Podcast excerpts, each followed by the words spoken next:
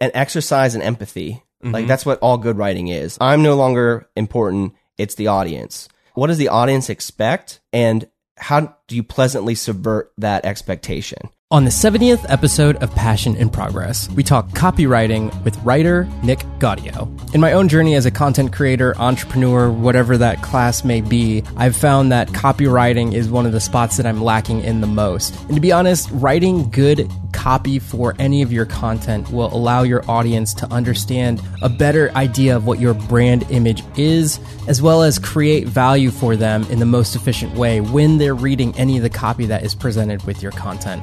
If that makes any sense, Nick is way better at explaining all of this kind of stuff during the podcast. Nick has a master's degree in writing from the University of Michigan, and he taught writing at the University of Maryland. He's been a writer for TheChive.com, Classic Dad, and National Lampoon, and currently he runs the email list accounts for Rev.com, Saatva, Kitspo, and 10 other businesses. I just want to remind everybody that to help me out with this podcast, I am on Patreon if you want to support me that way. And if not, please share this podcast out with a friend. Any episode that you find value in, please share it out, tweet it, text it, share it on Facebook, YouTube, whatever that may be. Without further ado, let's go ahead and hop into this amazing episode with Nick Gaudio about the art of copywriting.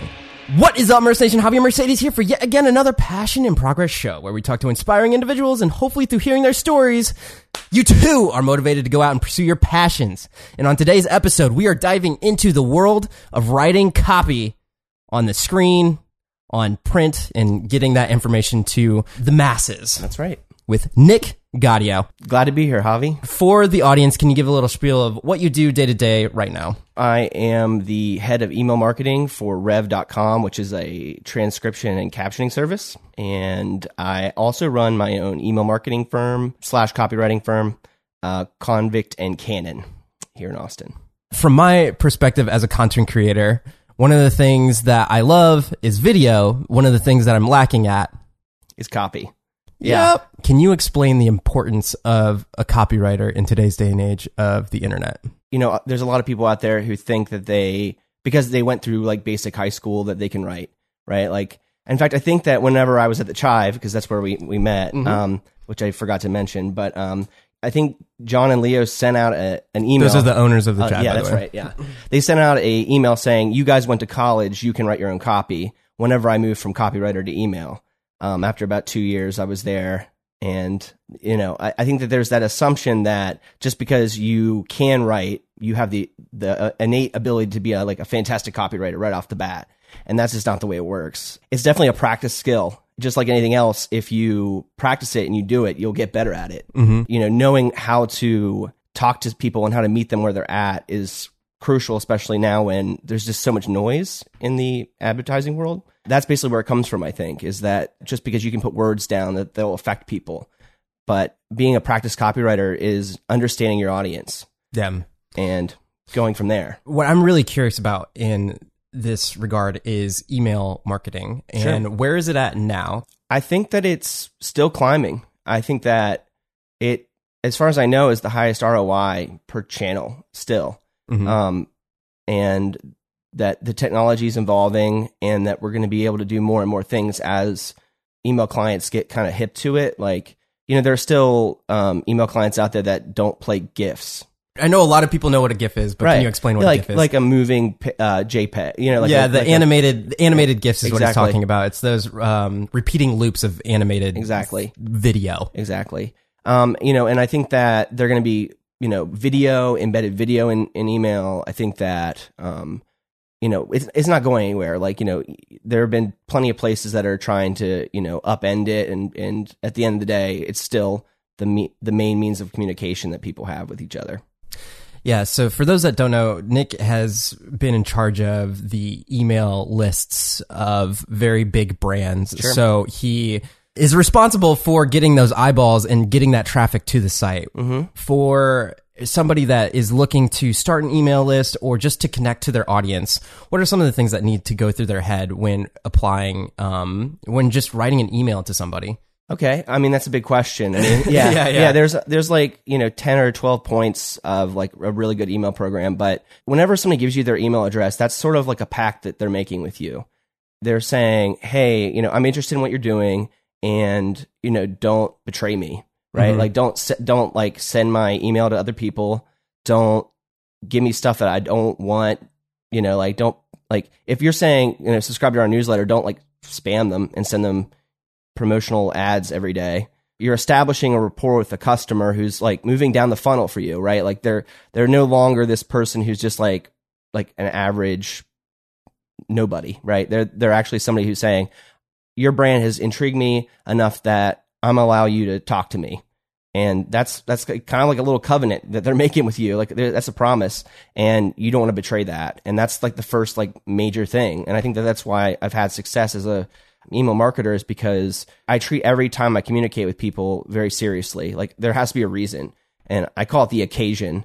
Um, like what's the occasion that I'm I'm communicating with you? And if it's not good, then I kind of have to go back to the drawing board and say there has to be a reason why I'm communicating with you. You know, there's different policies for different types of email, right? Like a media list, getting click throughs, and then there's value based emails that you're just providing everything within that email. Usually, you have a lot more success with those value emails because you're providing something to these people who otherwise wouldn't get anything. Uh, whether that's content, how tos, that's going to build a rapport and relationship with your subscriber, and they're way more likely to open other things that you do and spend money with you or get your services or whatever you want them to do. They're much more likely to um, use you if they trust you.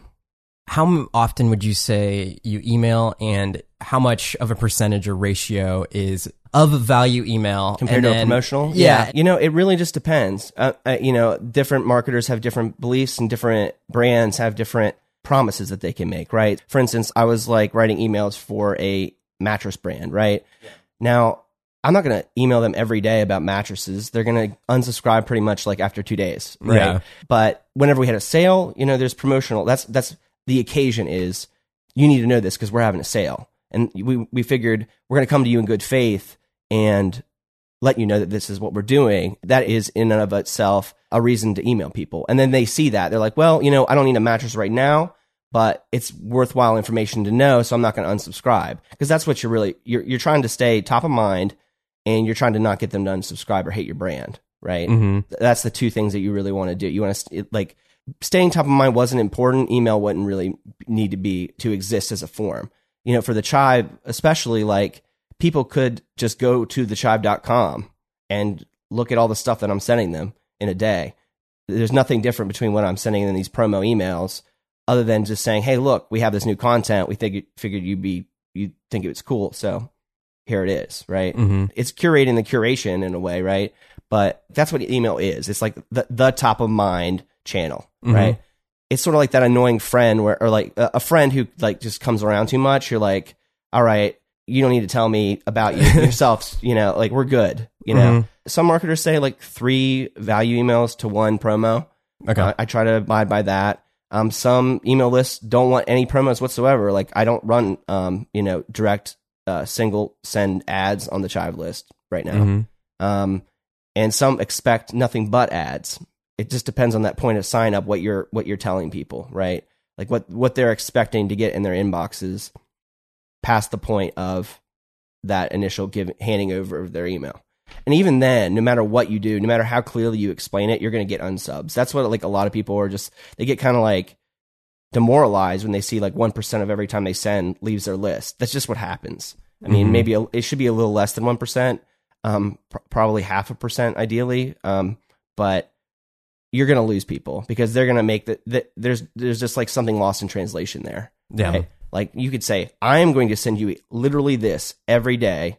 And still by the end of the week, you're going to lose So half in percent of e- people. the thing that pops up in order to get somebody's email, what, what's that called? That is, uh, well, it just depends, but it's a modal, like an exit intent modal. A lot of the time, uh, companies will have those pop up um, when they think that people are like making moves on the page that are indicative of leaving, right? Like Mhm. maybe their cursor goes up to the X and then they pop up, right? Like, It- before you go, Right. would you like to subscribe? yeah, fifteen percent off or whatever. Mhm. Um, and those actually tend to work better than like passive capture things in the bottom. Um, I've seen like numbers three or four percent better.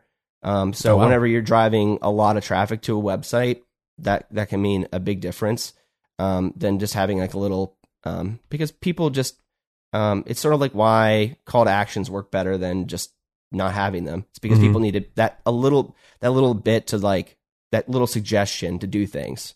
Um, that makes the difference. Um, and people are so used to it, I think that it doesn't really turn off people to see that. Yeah. You know, um, so I think it's worth your time. Um, and I have used um, SumoMe. I think is the one that I uh, I'll have to come back to you and make sure that's Mhm. the one it's called. But yeah, that's um because it's like pretty great out of the box. Okay. Um, if if uh, people are looking for a A good little pop up thing. yeah exactly Does that integrate into WordPress? yes it does Okay. and Squarespace as far as I know.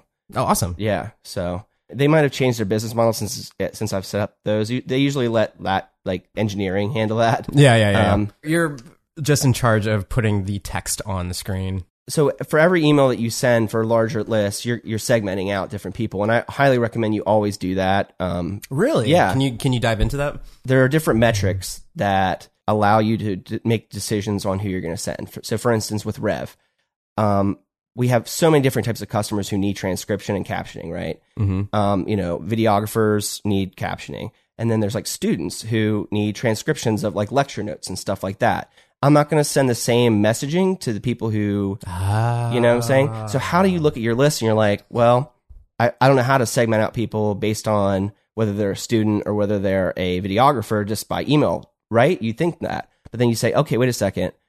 Students tend to have a .edu email address, right? Mm-hmm. So then you go in and you say, you tell it like MailChimp or Constant Contact or whatever you're using, find me the, the .edu emails and then you segment them out and then you send them specific message, a specific message, right?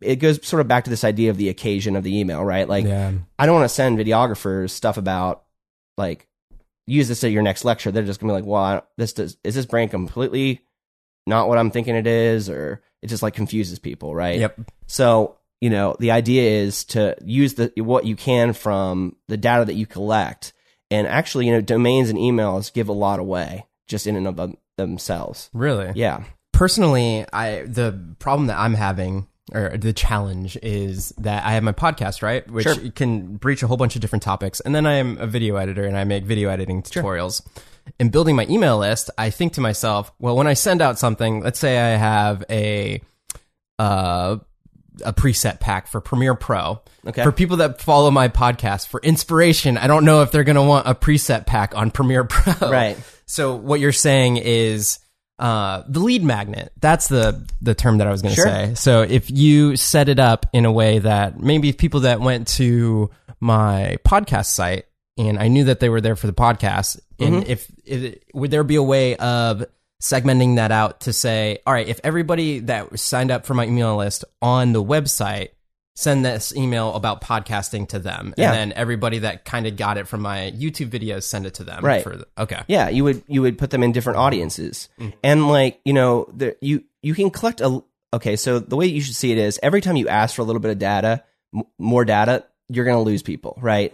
You know, you're like, I want your first name, your last name, your occupation, uh, your daughter's middle name. Yeah, eventually yeah, you're yeah. like you're losing like two percent of people every time you ask that kind of question. Mm-hmm. So like you know, keep in mind you gotta you gotta kind of play it off one one or the other. But if you know where they're coming from, yeah, you can send them to different audiences.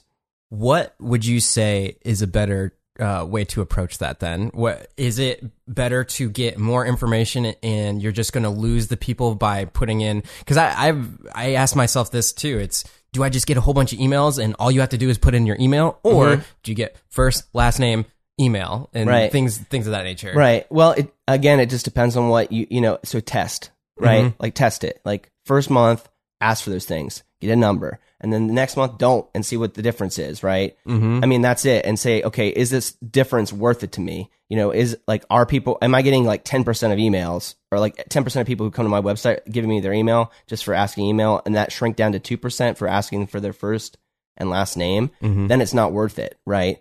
But different like different businesses can get away with it in different ways. Like B two B can get away with it in a way that B Can you two C explain won't. what B B two B Uh, is? business to business emails, right? And so B2C. B2C, uh, business to consumer, right? So like you know, or certain like serious brands can get away with asking sort of questions like what industry are you in whereas like if i did on like the Chive people are like what the why the hell are you asking that That's so true. right I Right. feel I, well. I feel like Rev would be able to do something like that. Right. Whereas I, I was just on Adobe's website and they were asking mm, the same kind of questions, and it makes sense because hey, I want them to make the best products so I can continue to use their software. Right.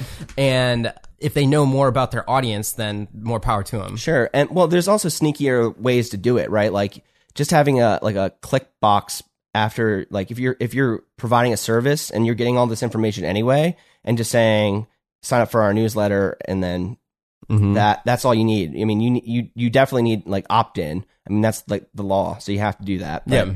um, you know that can give you all sorts of data points. So with Rev, for instance, I mean, when they place an order, there's a certain amount of data that I, I get from them just simply because they give they willingly give us that. We you know and we're very clear what what they've given us, and we put that into Mailchimp, and then we say, okay, um, this product is very useful to people in California, or this p- is in this industry, or or they you know only people who have used both our services will, will find this int- this promotion interesting, right? Yep. So like what what kind of people use caption and transcription like yourself? There aren't that mm-hmm. many people, but there are certain products and services and, and promos and things that we do that it's really germane for you to know about. So I want to I want to be able to pull that information, right? Mm-hmm. And then that goes back to what copyright great copywriting because then you know your audience, right? Mm-hmm. So if you know your audience, you can tinker the you know we we send emails to people we know are teachers, right? And then we use in in industry language to them, like learning outcomes and heuristic, and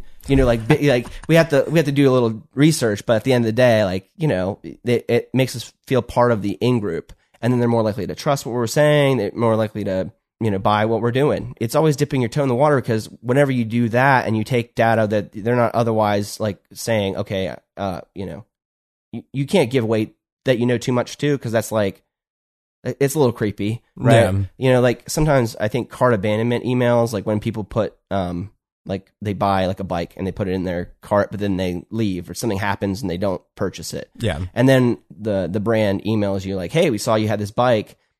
Uh, do you you want to get it?" Like cart abandonment emails do really well, but there are people still like old school people who feel really creeped out that that's happening, right? Mhm. Um, and then to go a step farther is browse abandonment when there's no commitment to that product whatsoever. And, and then you say something like, Hey, we saw you were looking at this thing. People are like, that's, that's creepy, man. And I don't, it doesn't, doesn't do as well, right? In certain brands. Yeah, right? for sure. And, and it's al- also messaging, right? Like if you were just to say, Hey, there's this thing that we think you might like, th- that kind of like buffers it a little bit, right? Yeah. As opposed to saying, we saw you, you were, it was 11, 10 p.m. and we liked what you were wearing. Right? that creeps people out, right? Like you want to build trust with them and know that you respect them as people and you respect their time and that you're uh, coming to them in good faith. These are all like really thematic things, but those are the things that I'm always thinking about when I'm writing an email. If you have like a touchstone belief system that dictates what you do, I think that that ends up being the reason things are successful. That's awesome. It reminds me of music theory and the fact that even Western music theory exists is when I went to the school of music, the fact when you put rules on something, it breeds more creativity, in, in Yeah. my opinion, because you have to play within those rules. Right. And by setting those rules, it gives you at least a little bit of a map as Mm-hmm. to where to start and where to take your. If you ever have a decision, you can go back to. In, in this case, whatever your beliefs are, and say, all right, here's A, here's B. W- according to my beliefs, where would I go with this? Mm-hmm. Right. This um, phrasing. Yeah, they, they say a constraint is the mother of invention, right? Like that's or necessity, but I think constraint really Mhm. is. And um, that when it, I, I've never met an email marketer, and it's not a very big community, but you know we talk to each other a lot, and that who who has these like beliefs that's unsuccessful. Mhm. Like if you if you really value your list and you're not like just treating them as like cattle to you know to herd into certain directions, and you treat them as people, generally you're going to be pretty successful at what you're doing. And I think that works agr- across all marketing, but email particularly because there's this like there's this like weird intimacy that happens getting in their inboxes that otherwise doesn't happen when it's like a billboard, right? Yeah, for sure.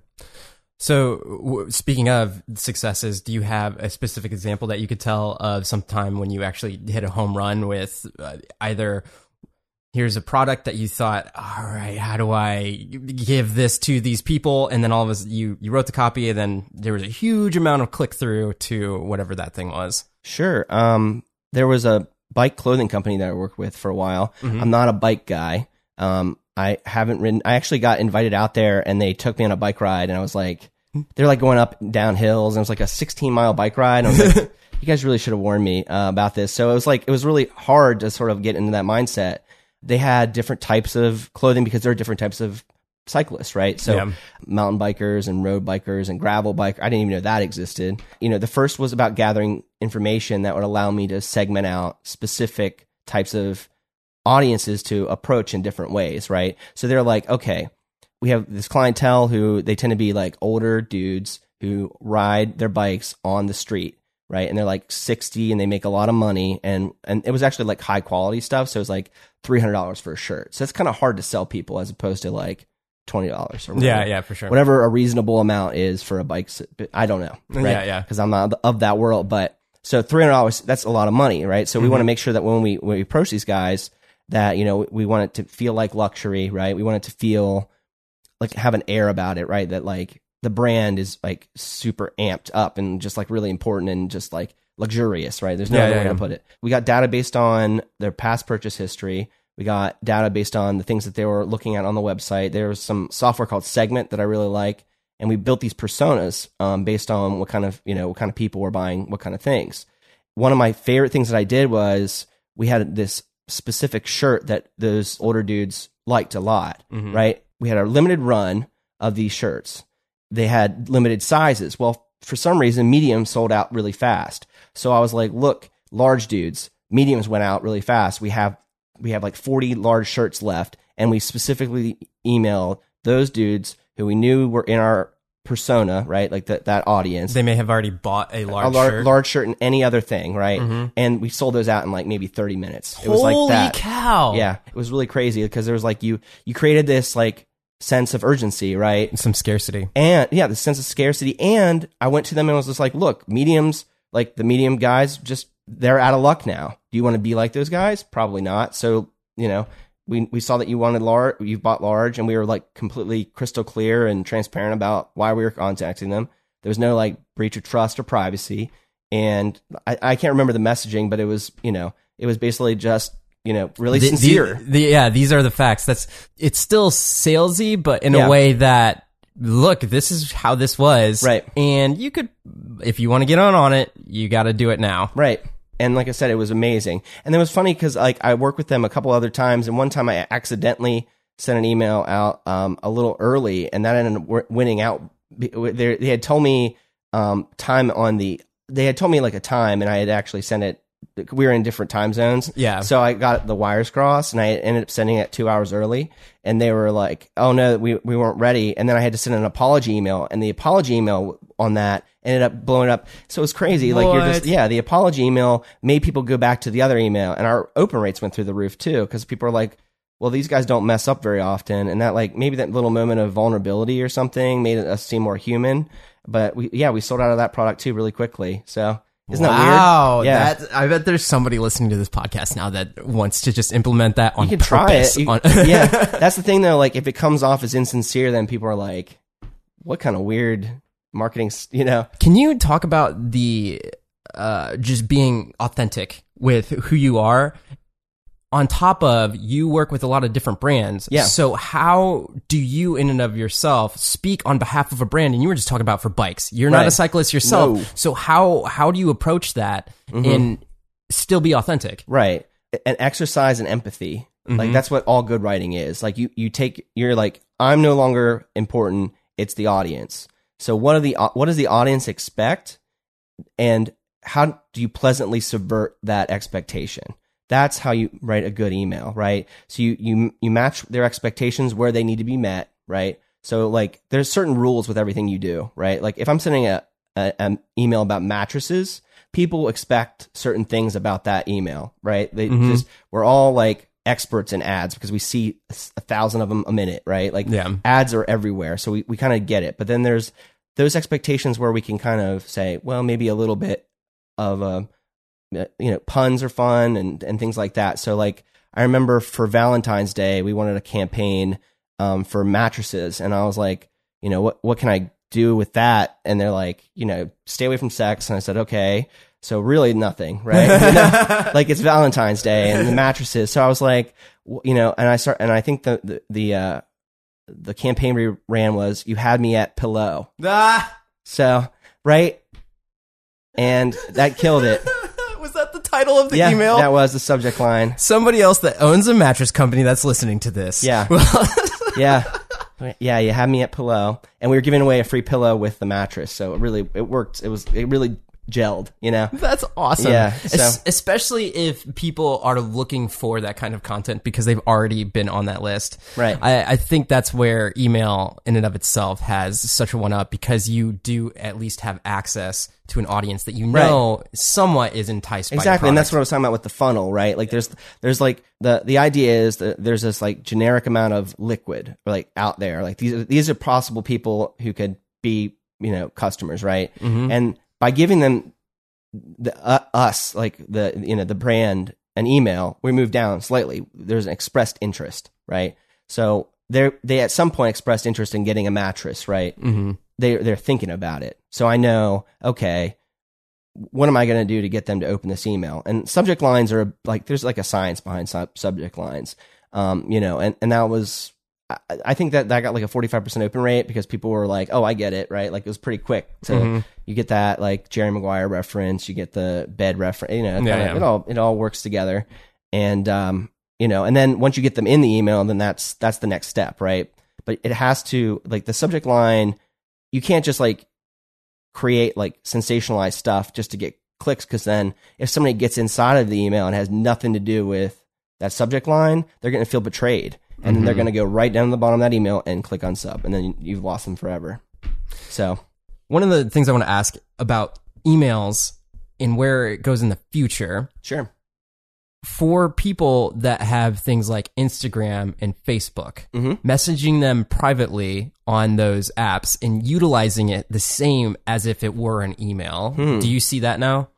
I honestly don't. I think that that is maybe the future, or maybe that people would be like, "Why is Nike messaging me?" or whatever, right? Like, why? Because I've already started to get it some. Really? like, I've already started Yeah. getting personal quote unquote brands, but I know it's just a bot. That's Sure.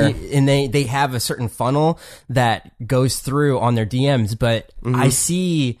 Instagram DMs as something sacred that, oh man, somebody's sending me a personal message. Right. Oh wow, this really big influencer Yeah. sending me this message. And then all of a sudden, I just see that it's a, that goes back to betraying people's expectations, Exactly. right? Yeah, So you're like, I liked your page just because I like it, not because I want you to like reach out and contact me. Mm-hmm. And that's what email has a one up on. Again, as long as you get that opt in, right? Mm-hmm. Like if you get that opt in, then you know I can contact you, and I'm not like bre- breaching that sacred like private like you know like let's keep let's just be friends, right? Like exactly. Right? yeah, yeah. Yeah.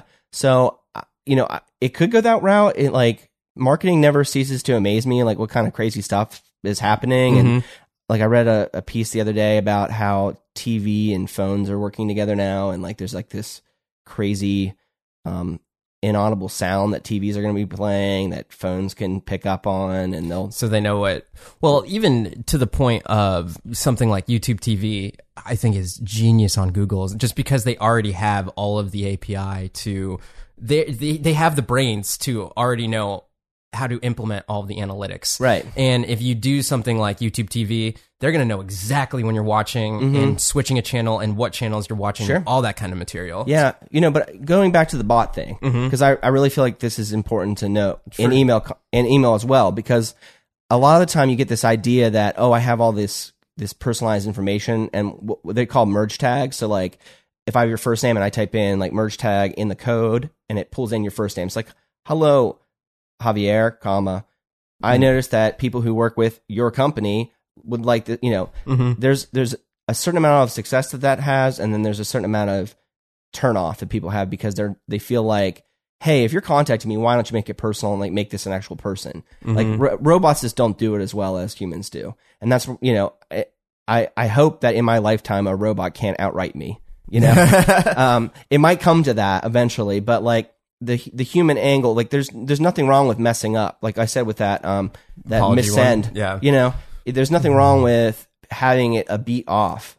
um, it, it you know it makes you more human to do that, and I think that people can appreciate that. You know, you you you want to um, not you know you you want to be careful like misspellings and weird sends and things like that because that doesn't show that you care. But like people are more forgiving, I think, of brands and things like that um, than you would you, you would think. You know, but staying human is really important uh, in in copywriting and email. You know. There was a podcast I was listening to, and I didn't even realize that this was a thing. Um, and maybe you can talk about it briefly.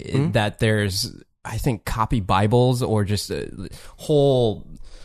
There's copywriters that are quote unquote so good at what they do that they've made a product that here's a thousand ways to get people into said funnel or whatever whatever it is. And we have the proven statistics to back up. When I tested it with this many people can you talk about uh for those that don't know just what I'm talking about? Sure. Okay, so there are definitely like guys who make their living testing out call to action buttons, right? that yeah okay So they they're like, or anything really, like subject lines, like subject lines that include the word new get a two percent bump. Subject lines that include the word now get a four percent bump. And then you, but like I would caution against using things like that because, like, use it as a, a framework, right? But don't mm-hmm. use it as the, a Bible, right? Mm-hmm. Because you're like new now feature and like all these words, and it's just like this doesn't come off as authentic. It can't, comes off as an ad, and like, why are you sending me this thing that's like clearly you didn't it you didn't think it through or something like that, right? mm-hmm. Like you're way better off to test it.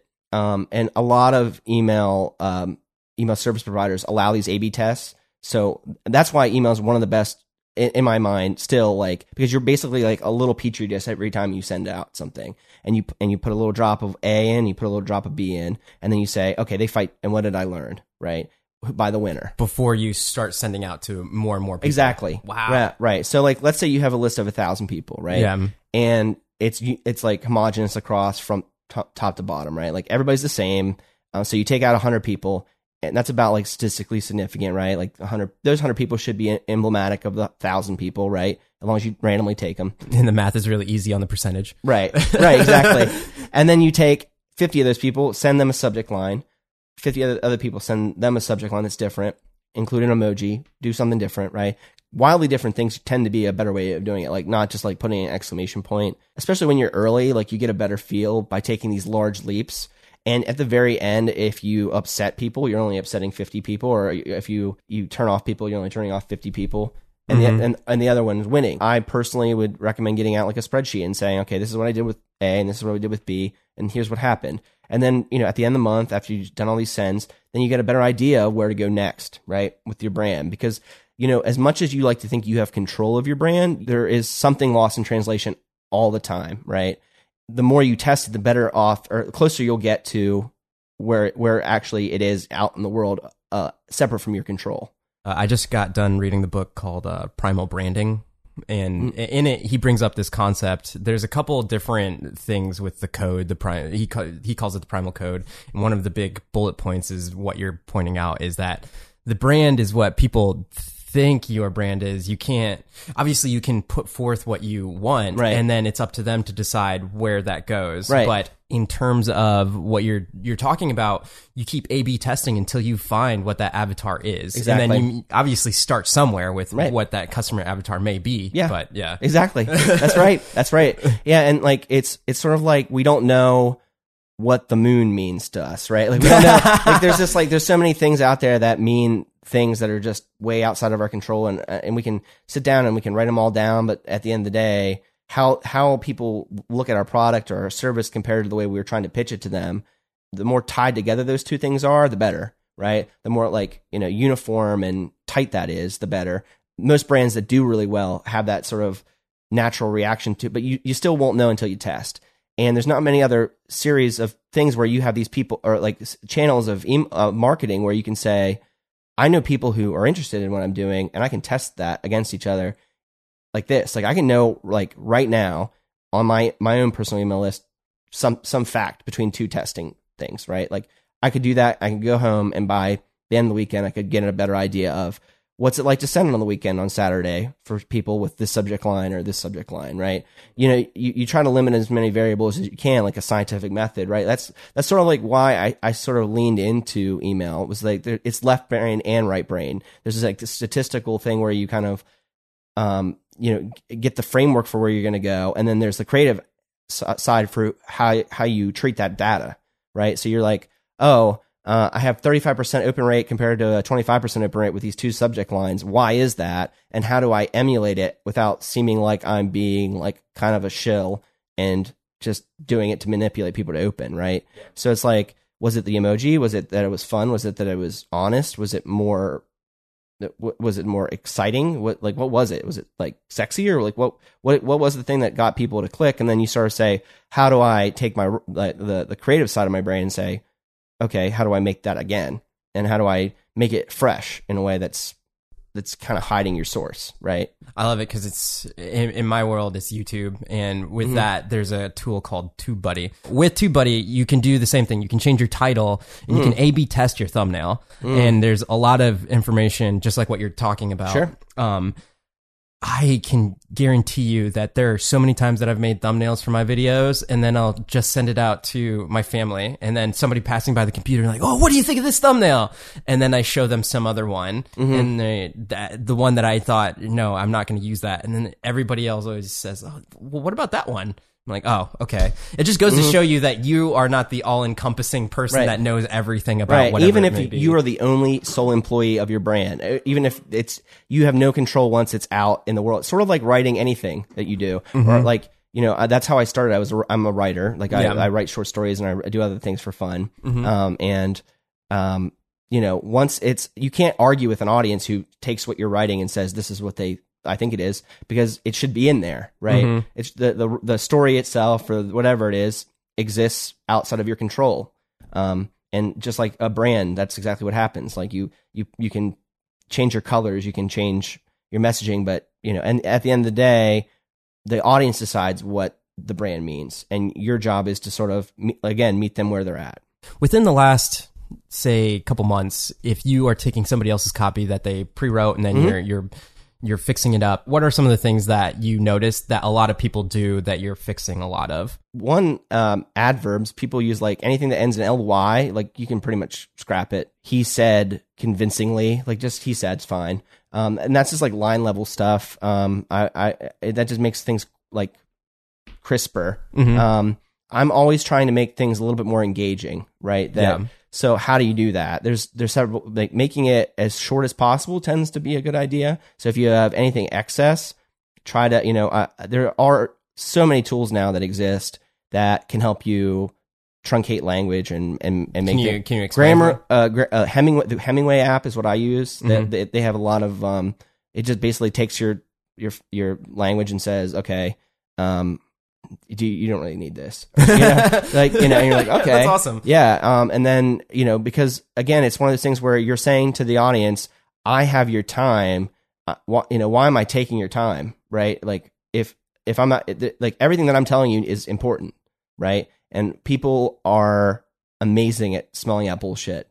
And if and if you're gonna sit there and sort of like you know jump back and forth and try to just like make it too interesting or or you know that, that that's the issue really is like you got to get to the point you got to you know respect their time as as an audience yeah so, um, I, you know, I, I use a lot of different tools, um, generally to make things more interesting. There's like an idiom dictionary that if I know like the topic is Valentine's Day, I start typing in words like heart and love and is it like a thesaurus or what is it? no, it it's like an idiom dictionary is sort of like, um, if I were, for, for instance, birds, right, or bird. So I type in bird, and it's like it would be like ki- kill two birds with one stone. Um, all the word, all the Wow. expressions, and yeah, holy cow yeah, all- so it's yeah, just like type in idiom dictionary. It's like the free dictionary has its own version. Mm-hmm. Um, it's really handy for subject lines. So you just like take off, like you kind of break the message into different parts, and you know, um, it'll give you like a lot. There's a lot more than you think idioms out there. Um, RhymeZone's really fun. RhymeZone.com. Mm-hmm. I use that for like if I want to write like something that rhymes or has like a little bit of fun. Um, Yeah. um, they also have near rhyme words, so you can actually make a lot of puns with it. Mm-hmm. Um, so you you type in like um, you type in pillow, right? Yeah. And then it says pillow has it sounds sort of like hello. It's like a seventy five percent match, and you're like, I think I can make that work, right? Is that is that how you came That's up with not that? how I did that. That's a good example. That was Yeah. actually from the top on that one. but you do it enough, then you start getting a feel for it. mm-hmm. I had a teacher in uh, in high school who was sort of like my my mentor as a writer, and he's like, all you really do to become a good writer is emulate other writers that you like, and I Mhm. think that works in email. I think that works in ads. I think that works in every every sort of thing. Like if you find something engaging, bookmark it, come back, and then break it apart and say, why did I? What, what was what about this like caught my interest? And I think that for for a lot of brands, you're selling to yourself, right? So if if you find it interesting, people will find it interesting. Your audience will find it interesting, and then you're like, okay, uh, I can do this. And then you try it, and then you test it, right? And then you, you you you try it yourself, and, and that's it. Right? Like that's that's how it works. Like you, no no one's born a great writer. Like you you just you just steal. You, you steal and you steal and steal until no one can tell what you're stealing from. You know? Do you subscribe to a lot of email lists? f- Oh, that oh my reason? god. Oh my god. Yeah, yeah. Like 60 or 70 newsletters. Do you ever try and write back the people that wrote the email, like a specific email, and say, "Hey, whoever wrote this email, you did a great job." I okay, so there's a little bit of um like inside email marketing, but like most of those email addresses that you reply to like are dead. No one pays Yeah, attention. yeah. So like I have to hunt them down on LinkedIn, and, and I'm like, hey man, I really like that. And then like that. There's like that, you know. Um, and then there's a lot of like you know solar. Per, I can't. pr- Solopreneurs? solopreneur- yeah, Yeah. solopreneurs who are doing um really great work. Just and this isn't their like main thing, you know. And I'm I'm like that's really good. You get a great job. Just Mhm. like there's these guys who I worked with with an ad agency, and they and they do um, canvas art, and they're like the, canvas art is their entire life, but they've been doing putting together a pretty good email list. My my inbox is a mess, right? Like, you know, Yeah. It's like every day I get emailed, and then but see the thing is too that you're competing with the we're all competing with each other for space, right? So I like there's especially with your competitors, you want to get on their email list and see what they're doing when they're sending, and then send after them, so you bury them in the email. I mean, Wow. yeah, it gets it gets kind of cutthroat. Yeah, yeah. So they're like, I, you know, somebody who sends at eleven thirty, you're like, okay, eleven forty five. I'm just gonna knock you down, Wow. and and you're like, and if you see them doing the same thing over and over again, it's probably because it works, Mhm. right? And so if So like, then you're gonna emulate. so emulate or do your version of it that Mhm. you know, or like test it, right? So if you're like, for some reason they keep sending a devil emoji with the rest with their or whatever it is, you know, Yeah. and you're like, they've done that four times. Clearly, this is working for them. So what's my version of that, right? Like, is it a lightning emoji? Is it a you know, you know, whatever it is? But yeah, yeah, you got like get it's getting a view of the landscape is important, especially in, in email is cutthroat. You, you're only getting so many people only click so many times in their inbox, right? Mhm. Um, and you know, you want to be one of those people, right? You want to be one of those clicks. You want to be one of those opens and everything. Yeah. I love the just the thought of emojis and what that did to the English language Yeah. when it came to copywriting. Yeah. Yeah. I saw something on CNN the other day about how like courts are trying to determine whether if you send like a gun emoji to somebody, if that's threatening.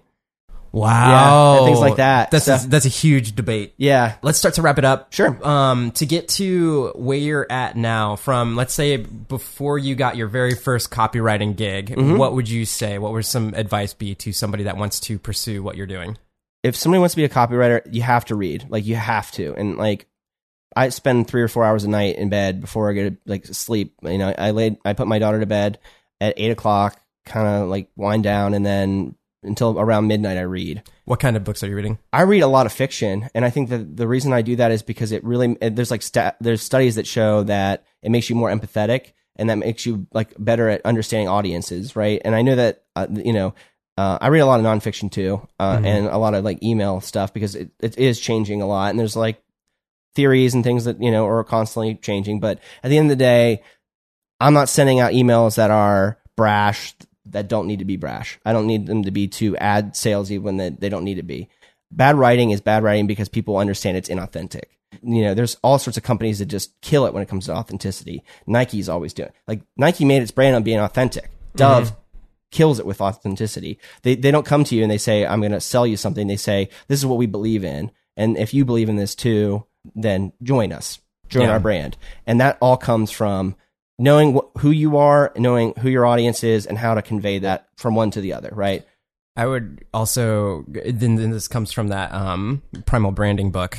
The who is the anti your brand? Who is the pagans of your brand? Who, Hmm. and if you know exactly who isn't going to be in, so if you're say, say you're working for Apple. And I'm, like, I'm answering for you, but uh, if say you're working for Apple and then you send out an email to Apple people and then you say something about Windows, Mm-hmm. well, you could say something that would trigger somebody and make people love your brand even more. That kind of thing, you know? Yeah. And you can't understand what people think 100%, but you can get a good, better idea in, in communicating with them. The more you communicate, the better off. Based on the stats, I mean, if you don't have the stats, you, you can, it's all anecdotal.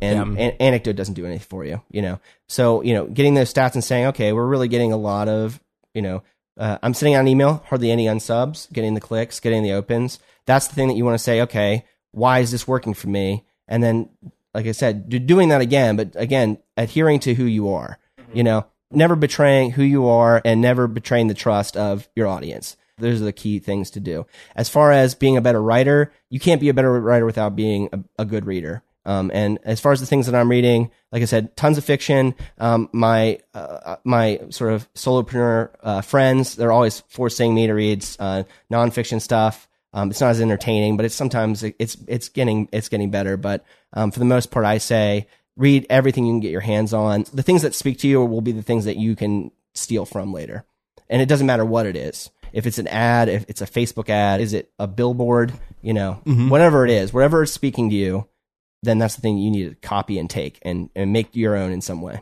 That's interesting because you're one of the first persons I've met where it actually makes sense to read fic- fiction. Yeah. and I like how you alluded to all your solopreneur friends. Yeah. because it's, it's true. The uh, uh, in my line of work, I've been um, listening to a lot of the entrepreneur business, um, self development podcasts, and things of that nature. And uh, for for good reason, they recommend reading nonfiction, business help. But that's for me mainly. I knew nothing about business, so I'm. It's like me going back to school again and just learning about all the things that it takes to Sure. be successful. Yeah.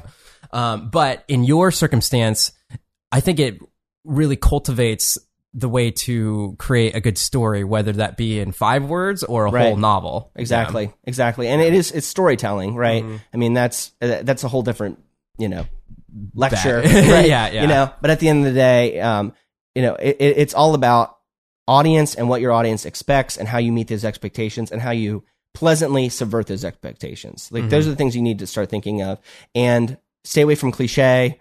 You know, if if you know, d- stay away from things that just language that has no meaning whatsoever. I mean, and, and the good news is there's still tools out there that can help you do that. Like Hemingway app helps with cliche.